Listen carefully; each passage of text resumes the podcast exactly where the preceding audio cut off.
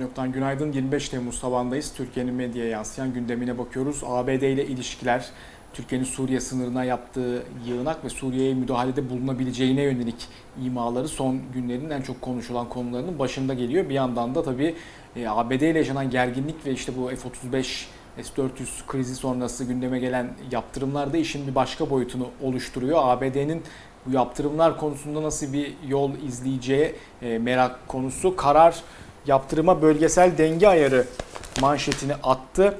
Trump'la senatörler arasında kritik Türkiye'ye yaptırım zirvesinde Şahin Kanat NATO'da zafiyet oluşur tezini öne sürüp Kağıtsan'ın hemen devreye sokulmasını istedi ancak ABD Başkanı öngörüsüz diplomasiye karşı çıktı. Bölgesel dengeleri hatırlatıp sağduyulu adım atmalıyız e, mesajı verdi. Yani burada e, Trump'ın öngörüsüz diplomasiye karşı çıkan kişi olduğu e, şeklindeki yorum ve aynı zamanda Şahin kanadın yani Trump'ın Şahin kanadı oluşturmuyor oluşturmadığı şeklindeki e, iddia epey e, enteresan e, durmuş. Ama yani bu ko- konu özelinde yani Türkiye ile ilişkiler e, bağlamında öyle bir denge tutturulmaya çalışılıyor ki orada e, işte Erdoğan'la arayı sadece Trump e, bulabiliyor. E, biraz buradaki o iyi polis kötü polis rollerinin paylaşımı biraz böyle bir durum oluşturmuş durumda ama tabii bu kararın spotundaki gibi e, bir yani Trump'a akil adamlık affetmek atfetmekte tabii çok doğru gelmiyor kulağa.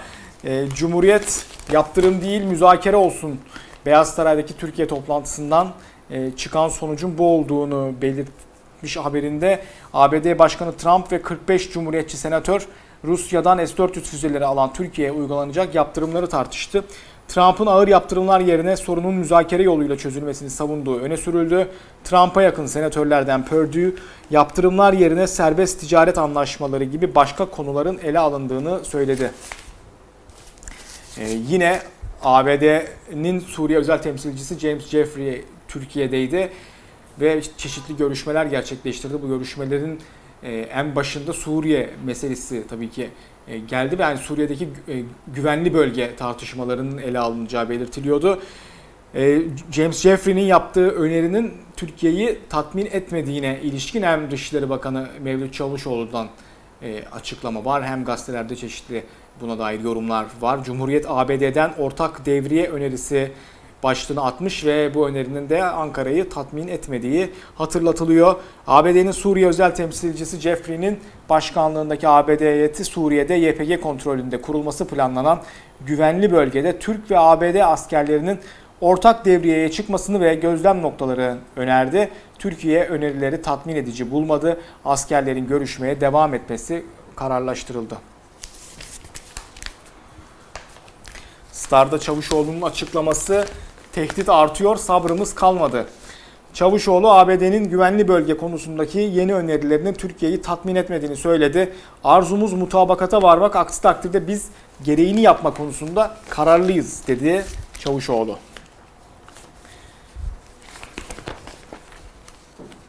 Evrenselde Yusuf Karataş'ın yazısı var. Suriye'de eski hesaplar, yeni arayışlar hem güncel gelişmeleri e, derleyip toparlamış hem de e, meselenin temeline, özüne değiniyor Karataş. Şu kısmı okuyabiliriz. Bugün ABD ve Erdoğan iktidarı arasındaki pazarlıklarda en kritik noktayı Suriye'nin kuzeyinde, Fırat'ın doğusunda güvenli bölgeyle ilgili görüşmeler oluşturuyor.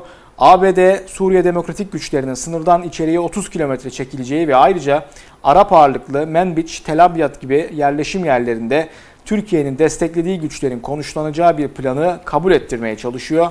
Ancak bu plan Suriye Kürtlerinin gücünü sınırlasa da onların Suriye'nin geleceğinde rol oynayacak siyasi aktörlerden biri olması durumunu ortadan kaldırmıyor. Suriye Kürtlerinin kazanımlarını ülke içinde Kürt sorununda uyguladığı politika için bir tehdit olarak gören Türkiye'deki iktidarla ABD arasındaki pazarlıklar bu noktada tıkanıyor. Serekaniye bölgesinden Ceylanpınar'a roket atılması bu gelişmelerle birlikte okunduğunda bu provokasyonun Türkiye'deki iktidarın Suriye Kürtlerine karşı müdahale girişimlerine hizmet ettiğini anlamak zor olmasa gerek. Ancak ne sınır bölgelerinin Suriye rejimine devredilmesini isteyen Rusya'nın ve ne de ABD'nin bugün böylesi bir seçeneğe sıcak bakmadığı biliniyor. Sonuç olarak emperyalistlerin ve onlarla pazarlık halindeki gerici rejimlerin hesaplarını anlayabilmek için büyük resme yani bölgedeki paylaşım mücadelesine bakmak gerekiyor. Ve ortadaki tablo paylaşım mücadelesindeki emperyalistlere ve onlarla işbirliği halindeki gerici rejimlere karşı ülkenin ve bölgenin demokrasi ve barış güçleriyle ezilen halklar anti-emperyalist demokratik bir mücadele hattında birleşmedikçe bu gerici planların boşa çıkartılmasının mümkün olmadığını gösteriyor e, diyor Yusuf Karataş. Dün Lozan Anlaşması'nın yıl dönümüydü ve uzun süredir tatilde olduğu belirtilen ve kendisinden ses çıkmayan, ses çıkmadığı için de e, sosyal medyada çeşitli esprilerin e, dolaşmaya başladığı Cumhurbaşkanı Erdoğan bir açıklama yayınladı. Yani bizzat kameraların karşısında geçmedi ama her sene olduğu gibi Lozan Anlaşması'nın yıl dönümünde bir açıklama yayınladı.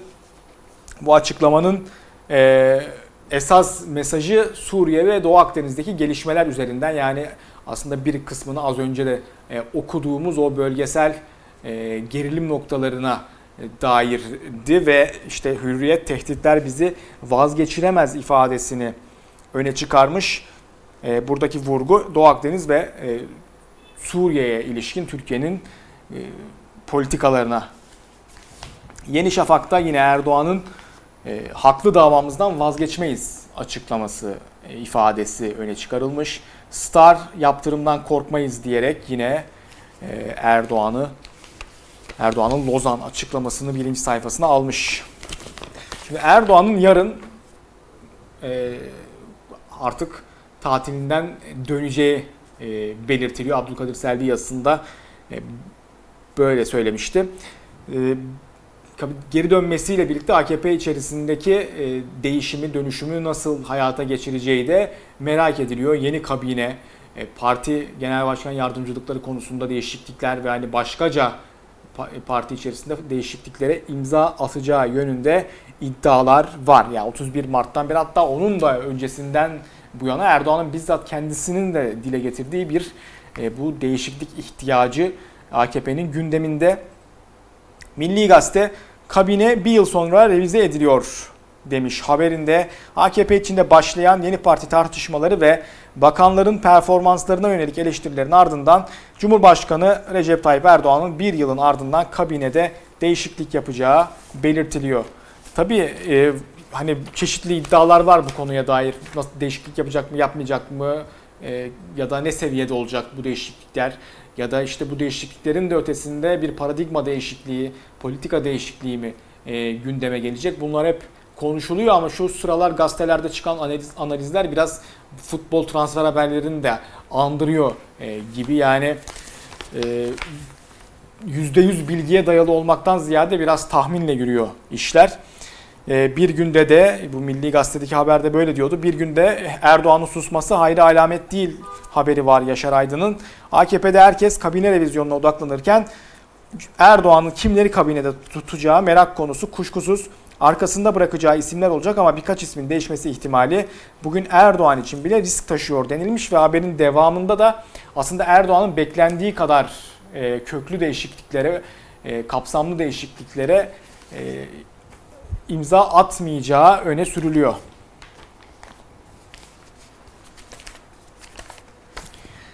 Cumhuriyet'te Barış Terkoğlu'nun yazısı var. İki damadın karşılaştırılması. E, Berat Albayrak'la Selçuk Bayraktar'ın Erdoğan'ın iki e, damadı biri e, tabii hükümette önemli bir görevi var ve çok eleştiriliyor. Aynı zamanda kendi ailesi de e, muhafazakar kesim içerisinde, AKP içerisinde önemli bir aile. Selçuk Bayraktar için de aynı şeyler belki biraz e, geçerli. Onun hükümette direkt bir e, pozisyonu yok ama e, bir e, insan hava aracı e, üretimi konusunda Türkiye'nin önde gelen e, firmalarından birinin e, sahibi. Dolayısıyla e, Erdoğan da damadı olması, bununla da birleştirdiğimiz e, zaman e, önemli bir, onun da bir etki alanı var. Barış Terkoğlu biraz bu ikisini e, kıyaslamış. Berat Albayrak'ın şu sıralar e, tabii popülaritesi oldukça e, düşmüş e, durumda ve yani ona e, ikisi arasında yaptığı karşılaştırmada işte Bayraktar'ın biraz daha e, öne e, çıktığını hissettiren e, pek çok e, ifade var. AKP'lilerle de e, konuşmuş. İşte Berat Albayrak'ın sık sık kibirli e, şeklinde nitelendiği ve bu sebeple eleştirilere neden ol, e, eleştiriler yapıldığı ona bunu aktarıyor e, Terkoğlu. Yine Berat Albayrak bu Pelikan'la olan yani Pelikan denen e, oluşumun zaten direkt tepesindeki isim olması nedeniyle yine parti içerisinde tepki çektiği konuşuluyor. Bununla birlikte işte Selçuk Bayraktar için de Cumhur İttifakı'nı yansıtıyor e, gibi bir yorumda bulunmuş e, Terkoğlu. E, şöyle bir ifade var. Konuştuğum partilinin anlattıkları AKP tabanının herhangi bir mensubunun ruh halinde özetliyor. Nitekim geçen hafta bakanlara yönelik yapılan anketlerde Albayrak'a verilen desteğin düşük çıkması da bunun kanıtı. Bir de şu var ki Cumhurbaşkanı'nın damatları AKP'nin siyasi ittifakları ve ideolojik eksenindeki dönüşümle de kesişiyor. Çözüm süreci ya da FETÖ kumpasları devam ederken PKK'ye en çok zarar veren İHA'ların mucidini belki de bugün olduğu yerde göremezdik diyor Terkoğlu. Ya AKP'de bir de yeni parti tartışmaları var tabii. Bu yeni parti tartışmalarının iki kanadı var. Birisi Ahmet Davutoğlu, diğeri, diğeri Abdullah Gül ve e, Ali Babacan. Son dönemde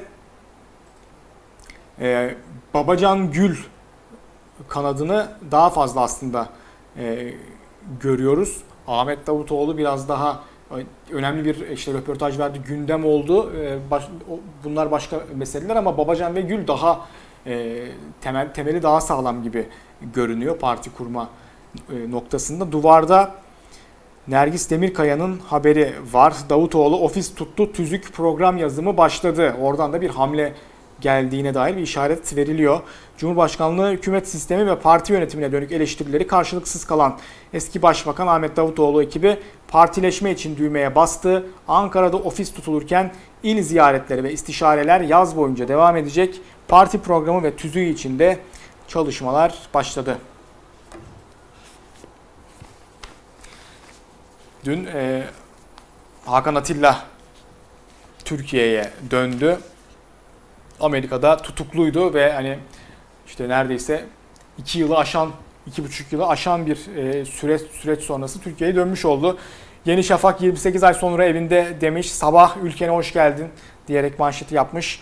Star kumpas çöktü Atilla döndü.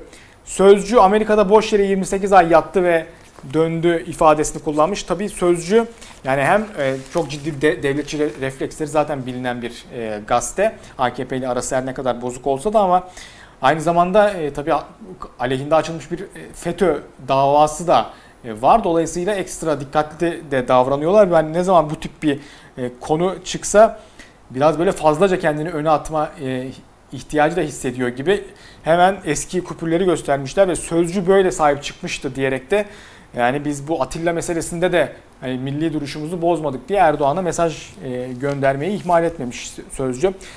E, tabii Berat Albayrak dün e, karşılamaya gitti ve orada bir mesaj da e, verdi. Atilla'ya övgüler e, yağdırdı. Cumhuriyet bunun için devlet karşıladı ifadesini kullanmış. Yeni Yaşam'da Hakan Atilla için devlet töreni başlığıyla e, Hakan Atilla'nın dönüşü nasıl karşılandığı birinci, e, gazetelerin birinci sayfalarında böyle yer bulmuş.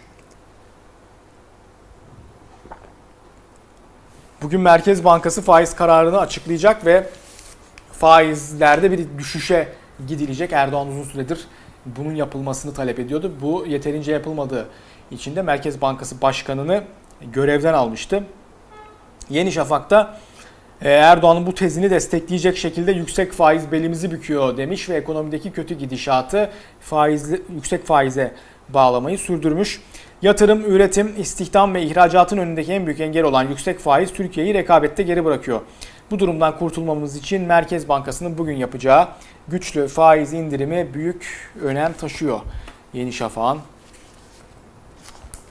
haberi. Kararda İbrahim Kahveci o da iktidarın ekonomi politikalarına e, hep muhalif bir e, isim.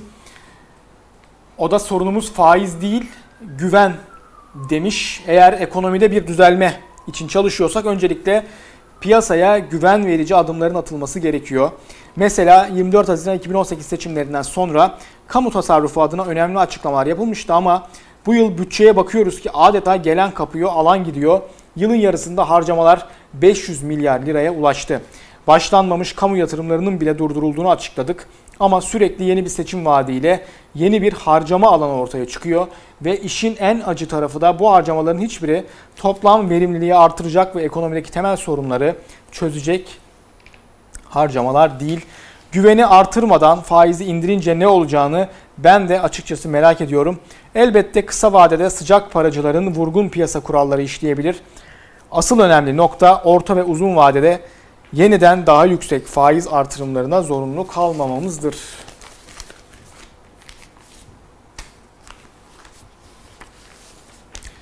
Bir günün manşeti gözümüzün önünde eridi. Eriyen ne? Tabii cebimizdeki para. 2009'da 200 TL'ye alınan tüfe sepeti bugün 506 TL'ye alınabiliyor. 200 TL'nin değeri 10 yılda 79 TL'ye kadar geriledi. Adedi ise 8,8 milyondan 192 milyona çıktı. Ozan Gündoğdu'nun e, haber analizi. Tabii e, bu ekonomi haberlerini de böyle uzun uzun okumak da moral bozucu oluyor. Yani zaten gün gün içerisinde yaşıyoruz bu gerçekleri. Bir de uzun uzun spotları e, size okumayayım. Kamu emekçilerinin toplu sözleşme görüşmeleri başlıyor ve işte Kamusen açıkladı, KESK açıkladı e, taleplerini. Bir de Memursen açıkladı. Memursen biliyorsunuz iktidarın e, arka bahçesi gibi sendikalar e, dünyasındaki. E, evlere şenlik bir e, toplu sözleşme, onların talepleri, toplu sözleşme talepleri. Evrenselde memur sen değil memur ben demiş e, bu e, taleplere. Çünkü kendi üyelerine e, bir kat fazla ikramiye ödenmesi e, gibi bir e, yani yüzsüzlükte artık son nokta bir e, talep var. Memur sen toplu sözleşme için emekçileri bölecek ve başka sendikaların üyelerini istifaya zorlayacak talepler ileri sürdü. Memur sen dışındaki konfederasyonlar masaya oturmasın. Memur sen üyelerine ikramiye bir kat fazla ödensin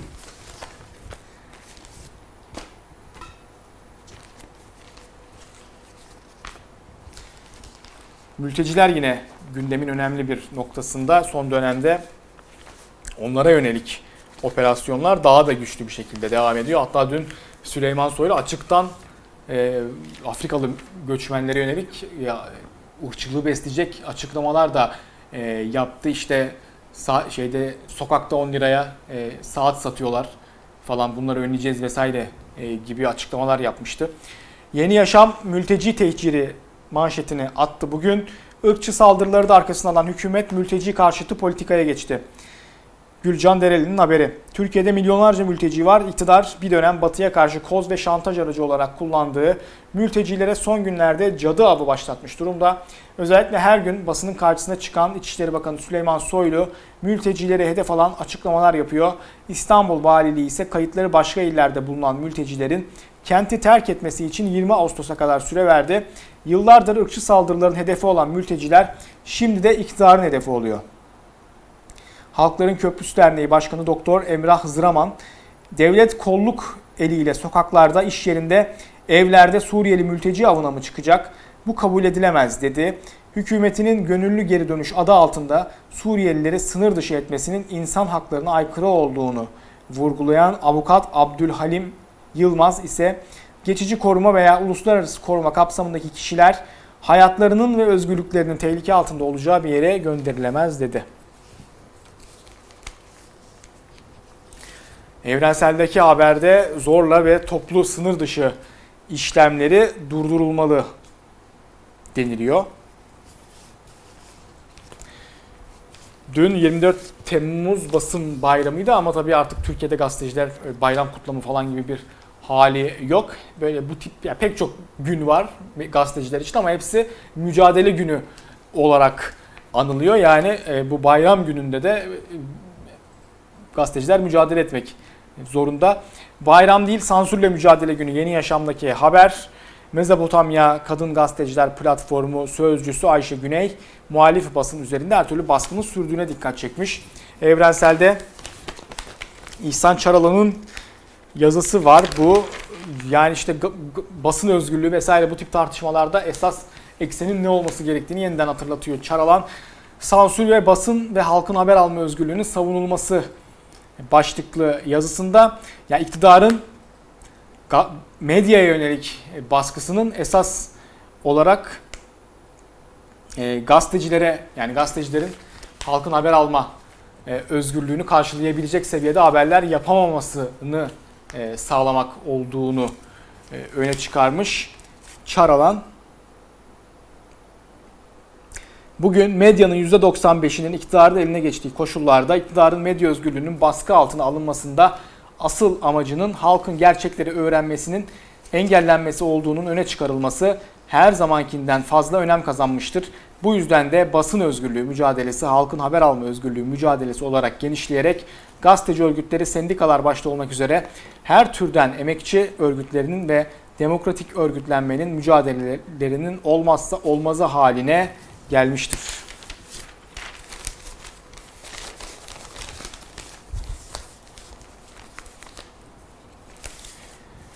Cumhuriyet'in manşeti bu kafayla daha çok Soma olur. Bakanlık madenlerdeki önlemlerin maliyetinden yakındı Şeyma Paşa Yiğit'in haberi. Enerji ve Tabi Kaynaklar Bakanlığı'nın stratejik plan raporunda skandal ifadeler yer aldı. Bakanlık madencilik sektöründe yaşanan durgunluğu Soma ve Ermenek'te yaşanan katliamların ardından yapılan yasal düzenlemeler nedeniyle üretim maliyetlerinin artmasına bağladı. Tüketilen enerjinin %75'inin ithal olduğu belirtilen raporda termik santrallerin solunan havayı etkilediği itiraf edildi. Tesis yenileme işlerinden vazgeçildiği ifade edilen raporda tasarruf tedbirleri kapsamında yeni makine alımı yapılamadığı da ortaya çıktı. Yanda bir haber var. İş cinayetlerinin arkası kesilmiyor. Türkiye'nin dört bir yanından her gün iş cinayet haberleri geliyor. Gaziantep'te inşaatta çalışan 20 yaşındaki Nafi Dişli 11. kattan düşerek öldü. Çanakkale'deki bir inşaatta iskelenin kayması üzerine 8. kattan düşen Enis Eken yaşamını yitirdi. Antalya'nın Aksu ilçesinde de Nezir Ayvaz inşaattan düşerek öldü. Ee, inşaat özellikle en tehlikeli sektörlerin başında geliyor. İş güven, işçi güvenliği önlemlerinin en fazla göz ardı edildiği sektörlerin başında ve e, iş cinayetlerinde de önemli bir e, rol oynuyor.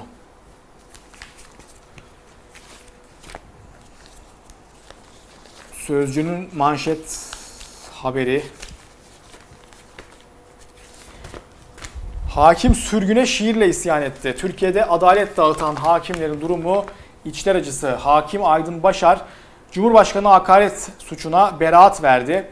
Başına gelmedik kalmadı. Bir yıl içinde 3 kez tayin edildi. Bunu eleştirmek için yazı yazdı. Hakkında yine soruşturma açıldı.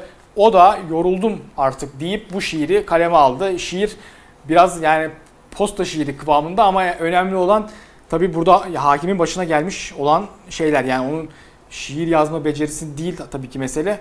E, burada e, ona uygulanan adaletsizlik ve aslında bu adaletsizliğin bir simge olması. Yani e, Türkiye'deki hukukun aslında nasıl işlediğini gözler önüne seren bir örnek ve tekil bir örnek belki ama geneli simgeliyor Hakim Aydın Başar'ın başına gelenler.